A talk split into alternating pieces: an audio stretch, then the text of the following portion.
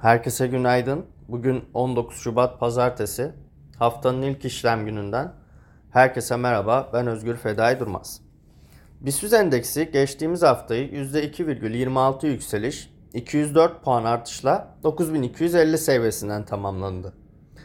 Endekste geçtiğimiz hafta TL bazlı rekor kapanışlar gözlenirken ABD enflasyon verisi salı günü BIST endeksini baskılamıştı.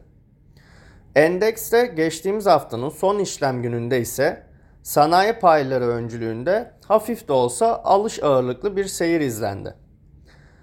BIST endeksinde Ereğli, Aselsan, Zoren, Tav Havalimanları payları Cuma günü endeksi en çok yukarı taşıyan payların başında yer alırken BİM, Sabancı Holding ve Koç Holding payları ise endeksi en çok aşağı çeken paylar oldu.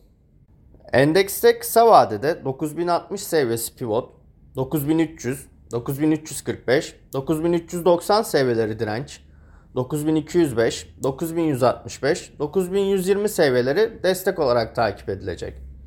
Dolar bazlı ise 302,9, 304,5, 305,9 seviyeleri direnç, 300, 298,6 ve 297 seviyeleri destek olarak izlenecek. Türkiye Cumhuriyet Merkez Bankası piyasa katılımcıları anketi açıklandı. Ankete göre TÜFE'de yıl sonu artış beklentisi %42,96 oldu.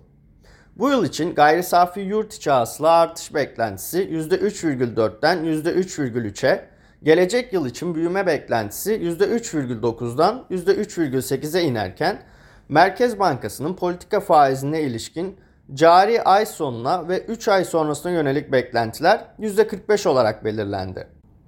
Hazine ve Maliye Bakanı Mehmet Şimşek anket sonuçlarını değerlendirerek piyasanın enflasyon beklentisinin ekonomik programın hedefine yaklaştığını söyledi.